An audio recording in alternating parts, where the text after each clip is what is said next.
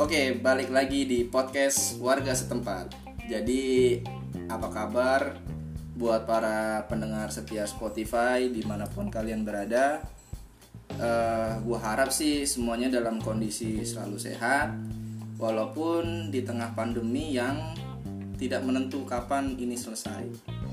Jadi, apa ya hari ini sih podcast menarik sih tapi ini menurut lo menarik gak nih jadi gue bawa teman di sini yoi kenalan dulu dong siapa namanya Halo, nama gua Vincent. Vincent kita ketemu lagi nih cuy Oke, bro. pembahasannya udah boleh beda Beda lagi nih. beda lagi karena pembahasan ini sangat awam mungkin anak-anak remaja mungkin udah familiar lah dengan kata-kata ini Apa tuh? Apa tuh? narkoboy Narkoba. narkoba iya jadi tapi menurut lu tahu nggak nih kalau misalkan tanggal 24 eh 26 26 Juni itu hari narkoba internasional Gua rada-rada belum tahu sih. belum tahu tuh ya Iya, belum tahu gua. jadi 26 Juni ini gue kasih tahu nih buat teman-teman juga nih yang masih belum tahu kalau Jumat itu adalah hari anti narkoba internasional. Jadi kita memperingati gitu kan. Nah kenapa ini penting? Karena menurut gue ya itulah narkoba itu udah pandemi juga cuy. Menurut lu pandemi juga nih kalau narkoba nih kalau di Indonesia nih ya. Pandemi cuman mungkin diam-diam pandeminya. Diem-diem ya. Iya. Gerakan bawah tanah tuh. Nah, cakep tuh. Karena kalau terang-terangan bahaya juga kan. Iya, nggak ada yang jual narkoba terang-terangan. nggak ada ya, Nggak ada. diem-diem tuh. Nggak ada buka lapak di pinggir jalan ya kan. Iya. Jual narkoba sebungkus berapa gitu. Wah tuh tuh namanya nyetor nyawa dong ya. Pasti bakal diketahuan sama polisi tuh. Nggak ada orang bego juga sih yang kayak gitu. Iya nggak ada ya. Nah. Cari aman karena ini bisnis ilegal. Iya. Jadi eh, ya sekilas info aja lah bahwa narkoba ini adalah memang kejahatan yang extraordinary crime. Bahasa gue bahasa ini banget ya, bahasa keren banget ya. Boleh, boleh. Jadi simpelnya ya ini kejahatan luar biasa lah yang harus mendapatkan perhatian khusus dari seluruh lapisan masyarakat ya entah itu polisi dalam hal ini pemerintah ataupun kita kita juga nih yang sebagai warga setempat. Anjir podcast gua tuh. Nah tapi menurut lu perkembangan narkoba di Indonesia ini kayak apa sih menurut lu Sen? Kalau menurut gua sih perkembangan narkoba di Indonesia udah udah mulai ini ya, udah mulai menurun. menurun tuh ya? Iya, udah mulai menurun karena memang eh, dari pihak pemerintah sama aparat sendiri itu gencar banget udah nangkep nangkepin bandar-bandar narkobanya. Mm-mm. Karena cara cara operasionalnya juga bagus sih. Jadi setiap ada ada orang yang pengguna atau pengedar gitu yang ketangkap itu biasanya dikulik dulu informasinya, terus si aparatnya ini pura-pura jadi pembeli. Jadi otomatis kayak kayak apa cepu lah ya kayak cepu ja- cepu jaringannya itu kayak udah udah kedetek gitu loh karena pura-pura jadi pembeli. Mm. Karena ini apa ya? Memang karena kejahatan yang luar biasa narkoba ini penanganannya juga luar harus luar biasa juga Iya, dong. harus- harus khusus khusus khusus harus khusus.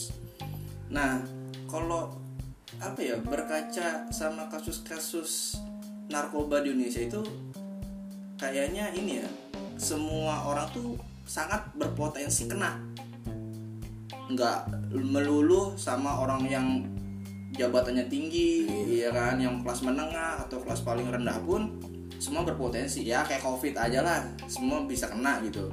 Ya contoh lah yang terakhir-terakhir ini kan artis-artis kan. Ya kita juga kayaknya udah pada tahu lah artis-artis itu sangat rentan lah kena namanya narkoba. Ya mungkin karena gaya hidup gitu kan. Memang ya emang artis tuh gaya hidupnya tinggi banget sih. Saking tingginya itu sampai di luar batas mengkonsumsi narkoba.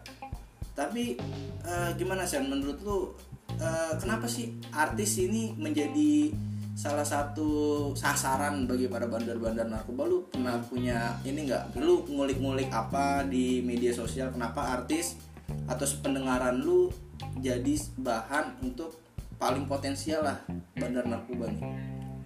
Kayaknya kalau badan narkoba ngincer artis kayaknya nggak nggak nggak make sense sih.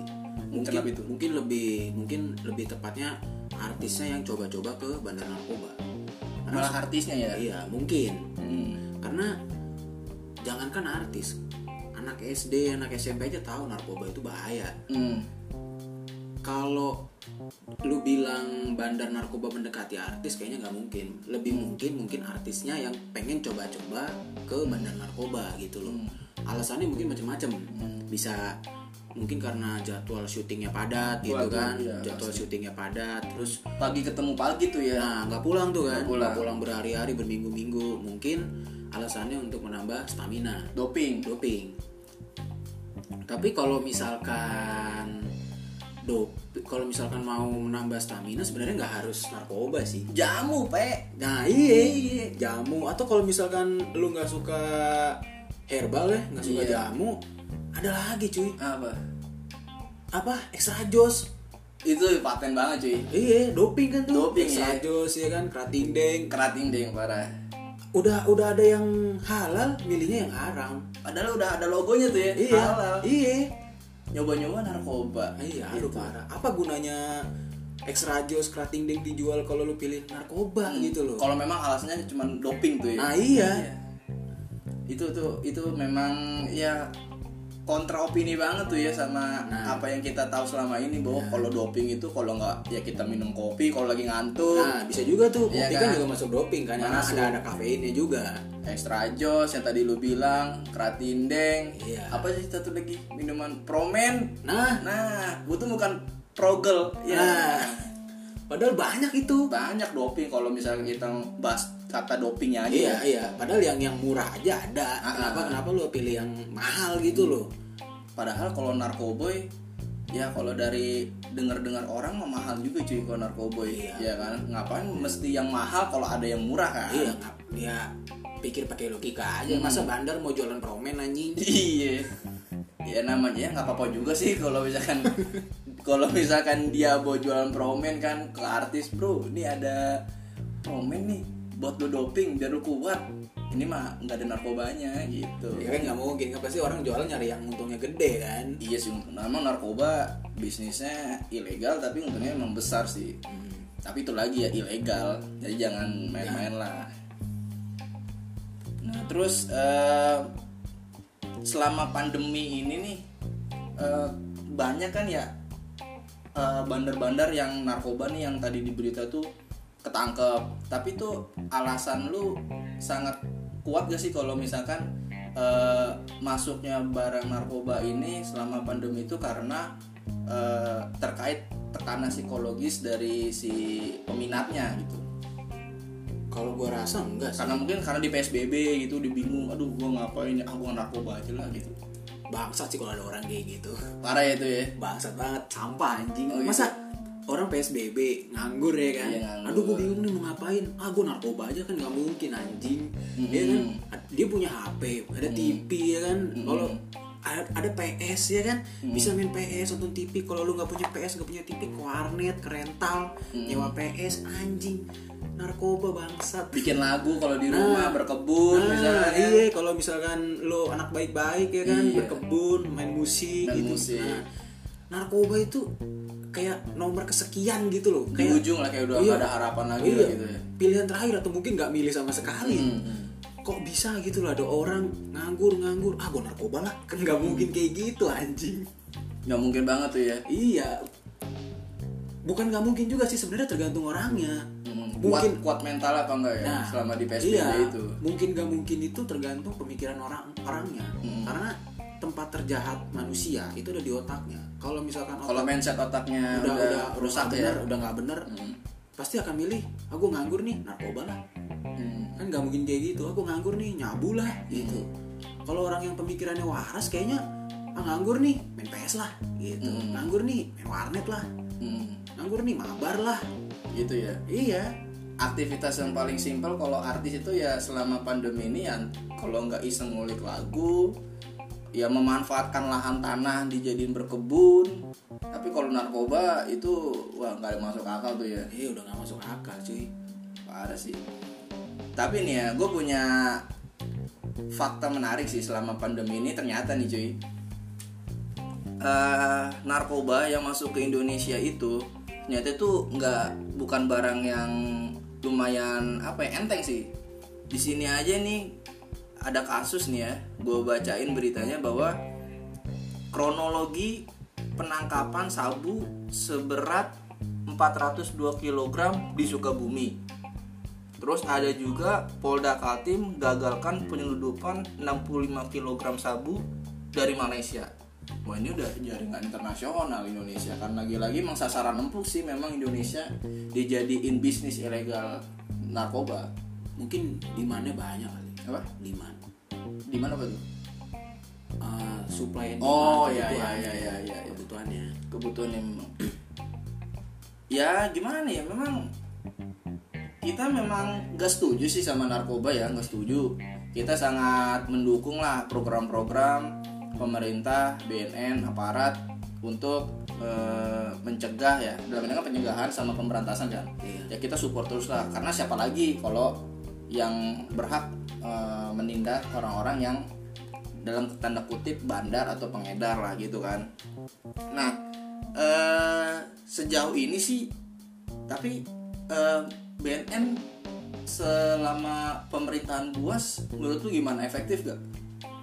efektif banget sih. Parah ya Buas ya, Budi, Budi Waseso jadi kan- belum tahu. Jadi eh, BNN kita tuh dulu namanya Budi Waseso sebelum digantikan sama Pak Heru Winarko se- yang BNN sekarang. Tapi gimana eh, eh, prestasi Buas selama ini gimana menurut lu?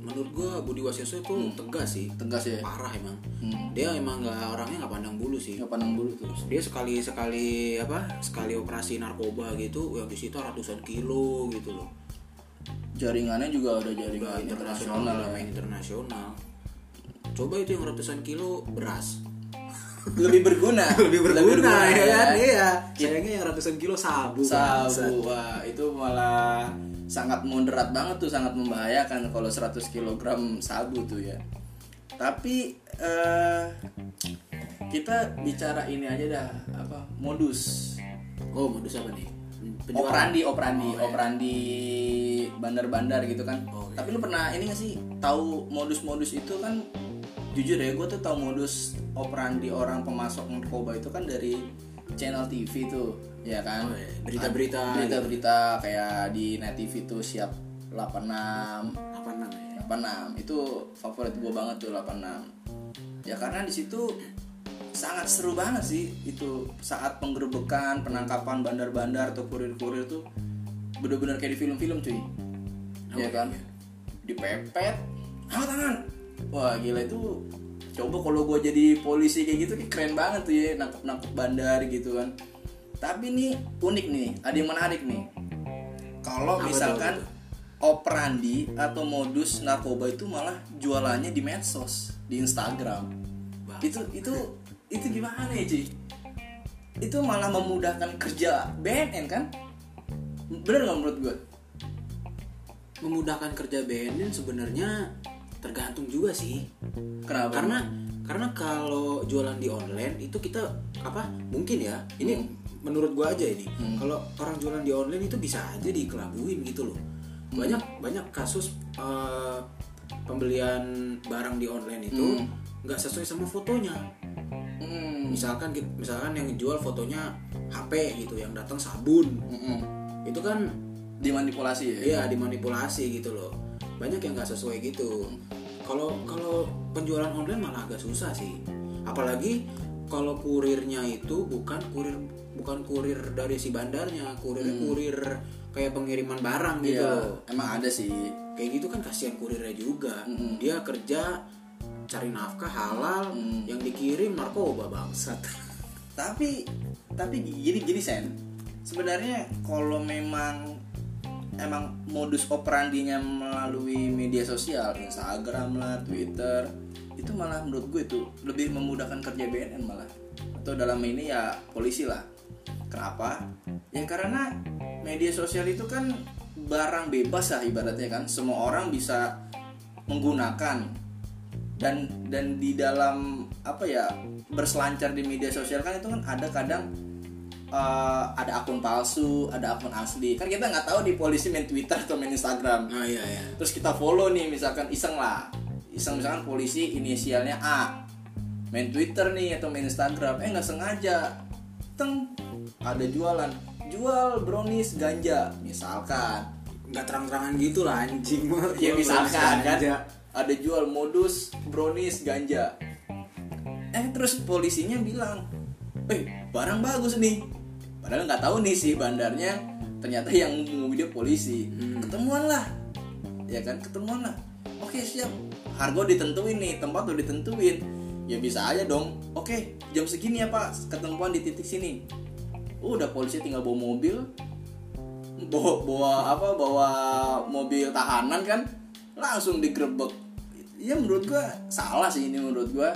Orang-orang atau bandar-bandar yang menjual barangnya atau mempromosikan barangnya lewat media sosial karena tuh lebih memudahkan kerja BNN dan dia lebih mudah ditangkap gitu. Daripada harus sembunyi-sembunyi kan pakai kode-kode ah, itu susah cuy. Itu butuh pengembangan yang lama sih menurut gua. Terus apalagi ya fakta menarik tentang narkoba? Menurut lo ada nggak fakta menarik tentang narkoba gitu? Eh, ini. Dulu sih pernah ada eh, apa? Narkoba yang hmm, dimasukin ke permen. Permen? Dulu pernah ada tuh berita pernah pernah ngetren gitu permen apa cuy? Permen karet apa? Permen. Ya permen kayak permen aja permen anak-anak Oh gitu. di intinya dimodifikasi, Ya, dimodifikasi. tapi itu isinya bahannya narkoba. nah ada juga yang liquid liquid narkoba. Oh ya itu yang vape ya. ya yang vape. Hmm, menurut gue itu gokil aja sih. Iya. gokil karena penjualan narkoba itu udah udah secanggih itu gitu loh Hmm. dia udah udah nggak main barang fisik kayak narkoba apa ganja dikeringin gitu udah enggak Ya secara fisik kelihatan lah. iya yang secara fisik kelihatan Hmm. gitu bentuknya narkoba dikeringin gitu kan sekarang udah lebih visioner Hmm. udah lebih visioner udah bentuknya udah liquid udah brownies Wah, permen, brownies, iya, iya. brownies. kacau anjing kan nggak lucu juga kan Iya. misalkan ada anak kecil nih mah minta duit mau beli permen gitu kan Iya. pulang dari beli permen Ketawa-ketawa sem- dia. sempoyongan Iya. bangsat kan nggak nggak nggak lucu juga Apalagi kan permen yang bulat-bulat tuh yang warna-warni Iya, yang warna-warni. Yang warna-warni itu kan secara kasat mata anak SD itu sangat ya sangat eye-catching lah di mata gitu iya kan. anak, anak SD kan suka yang berwarna-warna Berwarna-warna. apalagi yang murah meriah murah meriah oh ini apaan nih kayak permen nih nah itu kan apalagi kalau mending ya kalau dimakan sendiri. Kalau misalkan dia bawa lima ribu dapatnya misalkan lima ribu sepuluh dibagiin satu-satu setiap anak. Sempoyongan semua. Sempoyongan semua cuy. Itu mah itu memang benar-benar apa ya narkoba memang sebegitu canggihnya tadi yang gue bilang sama sebegitu apa ya masifnya lah. Kayaknya bandar tuh nggak kehilangan cara lah gitu. Iya. yang penting ba- barang gua laku walaupun itu dibelinya dengan harga murah toh nanti kalau misalkan udah ketergantungan nih itu udah beli lagi beli lagi beli lagi beli lagi gitu. apalagi nggak lucu juga kalau misalkan si anaknya ini anak kecilnya ini Hmm. ketagihan gitu loh Hmm. gue ngebayanginnya gini misalkan maknya ngajak apa ngajakin makan iya. Misalkan maknya ngajakin makan. Heeh. nah makan nak. Di restoran yuk iya gitu, makan yuk. Misalkan. makan di restoran makan di luar gitu kan. Hmm. ah enggak mau makan permen aja. Lah. lagi permennya bangsa Lucu ya, lucu anjing ya. Loh kamu nggak udah nggak suka daging ya Iya. nggak aku sukanya permen aja. Oh iya anjing kan gitu. Tiap tiap makan permen sempoyongan tidur tidur Tidur, tidur, iya. bangsat. Wah tuh emaknya juga bingung tuh ya. Iya. kok anak gua makan permen sempoyongan? Apa kadaluarsa kalau kadaluarsa kan perutnya sakit iya ya kan? tidur. Kok tidur sampai cengak cengenges oh ini ada yang nggak beres sih udah diajak makan daging. Nggak mau maunya makan permen. Ya itu memang memang perlu perhatian khusus sih dari ya dari lingkungan sekolahnya mungkin kan yang terdekat kan. Karena pedagang-pedagang itu kan banyak tuh di lingkungan sekolah. Terus orang tua juga jangan sampai ya lost contact lah. Kalau bisa habis pulang dijemput kayak gitu. Supaya meminimalisir eh, anak untuk bertindak sendirian. Terus menurut lu apalagi nih yang yang yang menarik dengan narkoba ini? Eh, kayaknya nggak ada deh. Kayaknya itu doang sih. Serius lu nggak ada? Kayak kayak kayak pelik banget sih kalau masalah narkoba di Indonesia. Pelik enggaknya kan karena ini apa? Eh, balik lagi ke kemauan masyarakatnya sadar- kesadaran diri masyarakatnya gitu loh. Kalau memang masyarakatnya sadar akan narkoba itu eh, apa? Sadar akan narkoba itu gak bagus baik secara kesehatan maupun secara hukum ya nggak bagus gitu Iya, kan. iya. karena barang ilegal Hmm. ya narkoba nggak akan laku Mm-mm. di Indonesia ya kan balik lagi laku enggaknya narkoba di Indonesia tuh tergantung kesadaran diri masyarakatnya Berarti dari dari diri kita sendiri juga ya yang bisa benar. maintain apa ya ibaratnya kemampuan untuk menolak gitu kan. Nah. Itu itu mengiyakan gitu. terus ini nih gue kan dari tadi lu mulu nih yang nanya nih kan gue coba gue pengen nanya satu nih sama lu nih ini gue juga penasaran sih sebenarnya Kenapa itu? Lu ngeliat gue bukan karena pemakai kan? Kagak lah, Enggak lah ya. Gue mah bersih bersih. kalau anak-anak baik-baik ya. Baik-baik. Jadi selama PSBB gue nggak narkobaan, jadi cuman ya cuma minum Fanta doang. Kita mah aduh Iya, sama teh gelas nggak mampu beli begituan. apalagi Eh, gua anjing Kenapa itu? narkoba kan efeknya ini kan ya pusing gitu kan Pusing, halusinasi ya. ya. Lu aja bangun tidur pusing. Nah iya gue aja bangun tidur pusing Iya. anjing Kelamaan tidur Kelamaan tidur, Kelamaan iya. tiduran rebahan Darah rendah Begitu bangun Wah. dari kasur udah ngeng Berarti bukan efek efek narkoba itu ya? Iya, Bukan. udah udah sempoyongan. Udah sempoyongan. Apa apa lupakan tadi lu Iya. nanya apa nanya apa? Ini Soal apa Hukuman mati Buat bandar narkoba lu, lu, lu setuju nggak sama hukuman mati kayak gitu? Baik baik dalam bentuk apa pun ya, maupun kan hukuman mati di Indonesia kan ada dua kan ya, suntik mati sama kebiri tuh.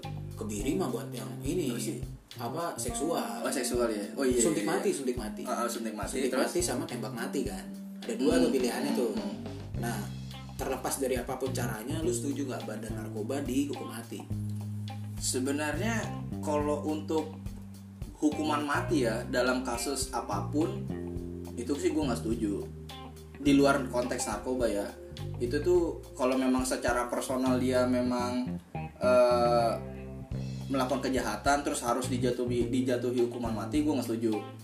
Karena itu melanggar hak asasi manusia juga dong. Karena bagaimanapun namanya kejahatan kesalahan orang itu kan bisa diubah. Tapi kalau memang kejahatannya itu dia langsung dihukum hukuman mati itu sangat ya ibaratnya terkutip menyalahi kodrat lah padahal kan manusia tuh butuh untuk hidup selalu tumbuh belajar dari kesalahan dong Tapi kan, tapi kan kejahatan yang dilakukan berat juga, Hmm. mengedarkan narkoba. ya tapi kalau konteksnya narkoba ya itu kalau narkoba pun tergantung situasional sih pe karena kalau memang misalkan nih ada in case udah ada pengintaian Oke, Sel- oke. selama pengintaian misalkan satu box box apa ya namanya box kendaraan box itu box mobil gitu. Ah. memang diindikasikan ada barang nih barang mencurigakan misalkan. Ya kalau misalkan saat penggerebekan dia memang dibekali dengan senjata misalkan bandarnya atau kurirnya ya polisi juga bisa ambil tindakan tegas dong. Ya kan? Nggak mungkin polisi apa ibaratnya bandar bawa pistol kita cuman bawa panah kan nggak mungkin. Iya kalau terjadi kontak senjata kita kalah cuy. Iya iya iya. jadi memang itu dibekali sih. Menurut gue tuh secara secara situasional nggak apa-apa kalau misalkan terjadi seperti itu. Tapi kalau memang kurirnya bisa atau bandara bisa di apa namanya ya bisa diatasi dengan cara mudah misalkan cuma disuruh tiarap dia tiarap disuruh tidur dia tidur ya kan? Itu nggak perlu lah ditembak ditembak secara langsung. Jadi ya karena itu butuh pengembangan dong. Butuh pengembangan pengembangan selanjutnya untuk kasus-kasus Oh, berikutnya. alasan-alasan pengembangan gitu ya. alasan pengembangan karena ya gimana bagaimanapun kan namanya ya barang-barang ilegal ini kan selalu apa ya punya circle sendiri lah saling keterhubungan Oh, ya kan? Ya kita juga nggak tahu barang selanjutnya ini akan dijatuh ke mana atau akan ditaruh ke mana. Jadi pengembangan selanjutnya sih penting sih. Makanya itu tidak eh, hukuman mati itu nggak perlu sih kayak gitu menurut gua Kalau menurut gue malah gue nggak setuju hukuman mati dengan ditembak atau disuntik. kenapa itu Karena apa ya? eh orang yang jual narkoba belum tentu dia nyicipin narkobanya cuy. Bener gak? Masih masuk akal nggak? Mm-mm. Iya kan? Kita pakai logika gini aja deh. Lu ibarat lu jualan makanan kan nggak mungkin makanan yang lu makan sendiri kan Mm-mm. pasti kan makanan yang lu bikin yang lu jual pasti untuk dijual Iya. untuk dimakan customer ya kan biar lu dapat untung betul sama kayak halnya bandar narkoba gitu loh Mm-mm. kalau menurut gue malah kayaknya dia bandar narkoba itu jualan narkoba kayaknya dia nggak nyicipin narkobanya cuma nyicipin hasil doang iya hasil nyicipin uangnya hasilnya. kan. nah kalau kalau dengan ditembak atau disuntik mati kayaknya nggak worth it sih Mm-mm.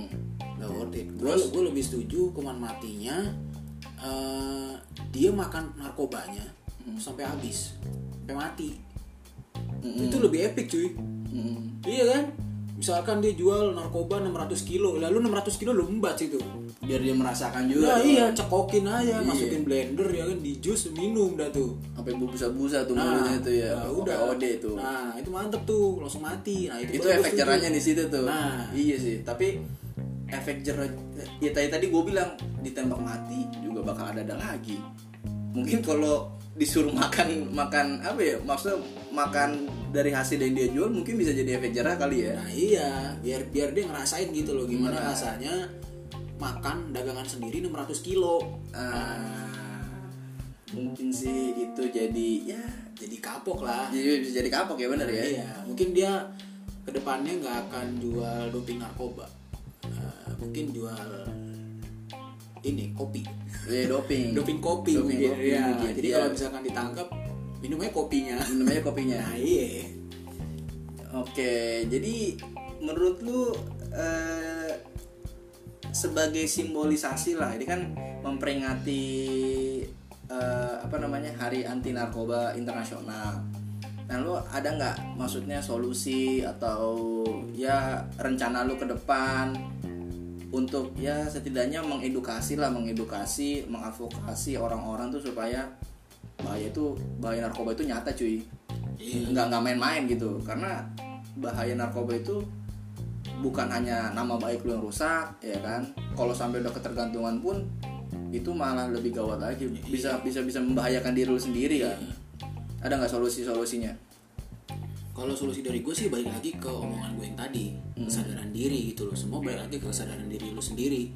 Kalau lu udah tahu narkoba itu barang gelap. Barang barang gelap juga sih. Barang gelap sih emang iya cuman kan eh, secara hukum ilegal secara kesehatan juga nggak sehat. Mm, lebih baik ya dijauhin gitu loh. Jauhin apa yang nggak baik buat badan lu. Mm, lakuin aja hal-hal yang positif gitu loh. Kalau lu nganggur di rumah eh, apa olahraga atau cari hiburan lain gak harus lari ke narkoba gitu loh. Kalau lu stres ya lu cari teman buat curhat buat cerita gitu gitu terus kalau misalkan lu atau bikin podcast kayak gini kan? Nah, bisa jadi kan cari duit kan? Nah terus kalau misalkan lu uh, butuh butuh apa ya? Butuh kayak obat doping gitu ya?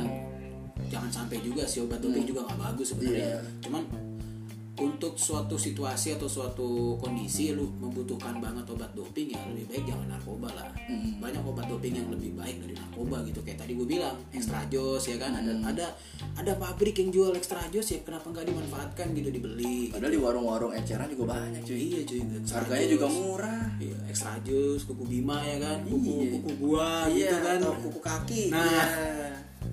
ada juga kopi ya kan? Kafein lebih lebih lebih apa ya lebih family friendly lah lebih Iya, ramah iya. buat badan gitu. udah ramah ya. Jadi ya intinya bagaimana kita bisa ramah bukan ramah terhadap narkoba ya ramah terhadap diri kita sendiri. Nah, iya. bagaimana kita bisa menjaga agar kita tidak masuk ke dalam perangkap perangkap lah. Ini berarti perangkap gelap lah narkoba karena siapa pun bisa kena. Iya karena kalau udah ketergantungan juga bang parah sih. Ada ya. Karena kalau udah ketergantungan tuh lu akan butuh banget itu kayak sakau gitu iya ya? kalau sako mah putus pak. Oh gitu? Lu lu lu makin narkoba intens tiba-tiba putus di tengah jalan. Nah itu sakau cuy. Lalu sakau. Itu sakau. Kalau udah ketergantungan tuh parah karena ketika lu nggak punya duit buat beli narkoba apa aja dijual pasti. Pasti itu. Kalau kalau misalkan nggak ada barang yang bisa dijual ya lu ngerampok barang-barang di rumah hilang semua. Tuh barang hilang di rumah sampai rumah kosong kayak rumah kosong ya kan? Mm, bener-bener udah bener-bener hilang semua kayak lantai-lantainya dijual. Iya kan Ah, udah habis itu ngerampok dah kalau misalkan nggak ada duit. Ntar tiba-tiba dia hilang sendiri tiba-tiba di penjara. Iya padahal gue juga nggak ngerti sih narkoba itu yang diincar apanya apakah ngefly-nya gitu kan. Kalau lu cuma ngincar ngefly-nya ya lu banyakin tidur bangun-bangun darah rendah puyeng langsung. Iya, apa enggak? Lu kalau mau nyari ngefly-nya jalan ya, jalan nih. Kita pergilah jalan dari sini ke Bali jalan kaki. Puyeng kan tuh pasti. Iya, ngefly. Ngefly itu ngapain lari siang-siang ya kan Lari siang-siang. pala pusing ya kan udah itu efeknya sama kayak lu narkoba Makanya itu gue juga nggak habis pikir sih kenapa tuh orang mau coba-coba narkoba gitu. Apa daya imajinasinya tinggi, daya fantasinya berlebihan sampai harus narkoboy gitu Iya, gitu. apa apa nggak pernah ngerasain halusinasi makanya aduh gue pengen coba halusinasi Iya. Itu narkoba aja dah kenapa mesti narkoba sih ya jadi inti intinya sih kita mendukung lah kerja kerja apa ya kerja kerja aparat. Dalam hal ini kan BNN yang ditugaskan kan. Iya. ya kita selalu support lah kalau dalam upaya pemberantasan pemberantasan narkoba terus pencegah pencegahannya dan kita sendiri ya kita juga bisa sebenarnya bisa sih untuk meng- mengadvokasi orang-orang bahaya dari narkoba itu sendiri. Untuk berubah eh, berubah untuk me- apa ya me- menyadarkan lah mungkin menyadarkan teman-teman kita yang kalau memang bingung aduh gue bingung nih. Ya kita kasih tahu jangan sampai narkoba. Jadi intinya sih kerja kolektif sih antara masyarakat pem- pemerintah sama aparat. Itu penting banget tuh. Ya kalau misalkan lu nemu nih misalnya nih nemu nih nemu eh, orang mencurigakan nih di di satu satu tempat nih. Misalkan orang nggak lapor nih. Kan pernah tuh orang baru nggak lapor. Gue nggak lapor RT RW nggak lapor RT RW wajar dong kita menaruh panik nih apa teroris apa bandar narkoba kan sering banget tuh. Iya iya. Namanya bandar kan nggak mungkin dia stay di satu tempat lama dengan durasi panjang gitu kan. Pasti dia sebulan di sini terus pindah lagi ke mana ke mana ke mana. Yang penting nyari pasar lah gitu kan namanya. Oh iya. Bener kan nyari pasar dong. Kan buat dijual. Ya mungkin kesadaran kita aja sih kalau misalnya ada orang baru di, di sekeliling kita atau di dekat rumah kita melihat ada yang mencurigakan ya segera ditegur gitu. Kok nggak lapor gitu kan? Pasti ada kepentingan dong kalau lu tinggal di sini mau berapa lama terus kepentingannya apa tinggal di sini gitu kan. Kalau toh misalkan lu nggak berani negur ya lu tinggal bawa aja polisi ya kan? Minta perlindungan kalau misalnya sewaktu-waktu eh, dia ditegur nih pak lapor dong. Misalkan dia ngegas atau apa mungkin dia lagi maki juga kan kita nggak tahu. Tiba-tiba dia bawa senjata kan ya itu antisipatif sih. Makanya eh, ya aware sama lingkungan sekitar juga sih kalau misalkan ada orang-orang baru. Jadi itu sih menurut gua ada nggak nggak apatis gitu ya? Iya nggak apatis karena lu terlalu apatis ya kalau misalkan nanti sewaktu itu ada kejadian lingkungan lu juga tercemar cuy. Iya. Lingkungan lingkungan tempat tinggal lu bukan nama bukan nama lu ya nama atas pribadi tapi lingkungan lu juga juga ini apa dicap juga dicap jelek. dicap jelek. Misalkan lu mau pindah rumah dah misalkan mau pindah rumah nih. Aku udah nggak betah nih pindah rumah. Eh ternyata pas dijual orangnya pernah dengar wah ini pernah ada kasus nih lingkungan ini. Ayo gimana? Nggak laku cuy rumahnya dijual. Jadi ya itu sih jangan apatis. Yang penting ya aware sama lingkungan sekitar sama kita di- diri kita sendiri sih terutama. Jadi itu itu pembahasan dari podcast kali ini ya. Iya. ada tambahan lagi nggak lu? Eh, mungkin gini sebagai closing gue pengen nanya satu aja. Nggak harus dijawab sih nggak harus dijawab karena pertanyaan atau ini pertanyaan buat ke pendengar setiap podcast warga setempat boleh, nih boleh, apa ini boleh. gue penasaran kenapa daun ganja bentuknya kayak daun singkong ya anjing emang saru ya? Iya saru anjing. Daun ganja, daun ganja kenapa harus tumbuh? Bentuknya kayak daun singkong bangsa. Padahal gue di rumah makan daun singkong juga. Apa Nah, gue iya, salah iya. makan nih? Nah. Tapi gue sih masih normal sih masih waras lah gue lah itu aja pertanyaannya. Ya, itu aja. jadi kalau ada jawaban yang menarik dari pertanyaan sobat gue ini yang aduh nggak tahu di pertanyaannya perlu dijawab apa enggak jadi nanti kita chatan aja. Nanti ada call centernya. Anjir call center udah kayak ini aja kasus bencana ada call center. Oke jadi segitu dulu obrolan dari podcast warga setempat. Nantikan apa ya nantikan siaran berikutnya dari podcast warga setempat. Kata kata penutup dong. Hidup sehat tanpa narkoba. Lo apa ngikutin aja. Ngikutin aja. Oke. Salam sehat